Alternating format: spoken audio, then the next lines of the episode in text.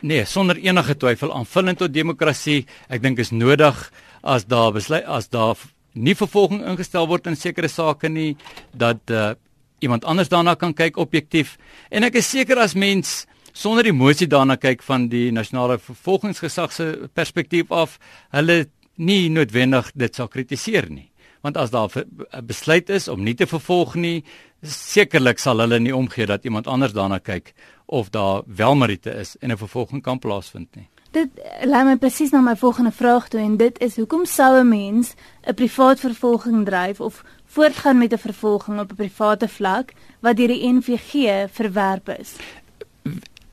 Bloot om as daar die saak verwerp is deur die NVG of hulle besluit het om nie te vervolg nie wat nie op die meriete gebaseer is nie.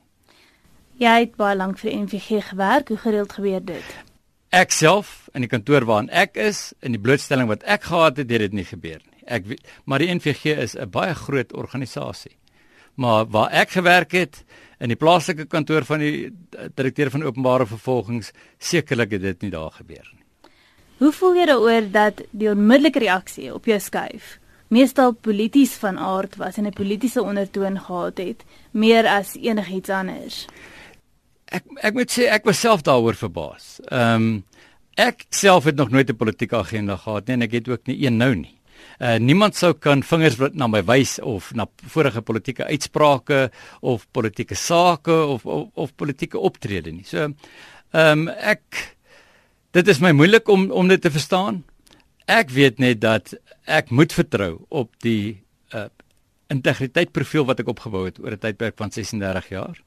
En ek weet dat elke stap wat ons neem baie noukeurig dopgehou gaan word deur almal. En ek gee glad nie daaroor om nie. Ek ek hoop almal hou ons dop. Ek hoop almal hou ons noukeurig dop om seker te maak dat ons nie verval in 'n politieke vervolgingskantoor nie.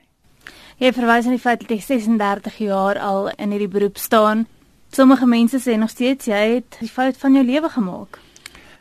Ehm um, ek ek het dit ek het dit gelees. Ek hoor mense sê dit. Ehm um, ek self dink ek het 'n besluit geneem om iets daar te stel wat opwindend is. Dis iets nuuts. Dis iets wat iemand nog nie gedoen het nie.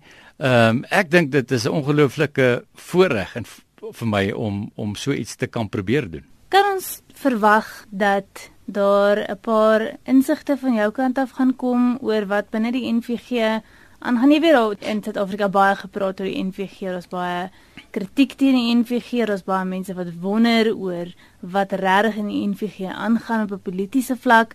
Kan ons enige insigte van jou kant af verwag daaroor? En, en nie op die oomblik nie. Um, ek ek sal ek sal wil fokus op wat ek vooraangestel is. Ehm um, deur uitsprake te maak teen teen die nasionale vervolgingsgesag en veral die bestuur daarvan waar ek nie deel was van nie. Ek was nooit ehm um, op die bestuur van die nasionale vervolgingsgesag nie. Dis vir my baie moeilik om 'n uh, ingeligte uh, antwoord, ingeligte insig te gee. Uh, ek ek wil myself net toelê en toespits op feite van sake. As dit net laasens kom by die privaat vervolgings, jy jy's nou getaak daarmee om 'n eenheid te stig wat dit gaan dryf. Jy gaan sekerlik nie elke saak self argumenteer nie.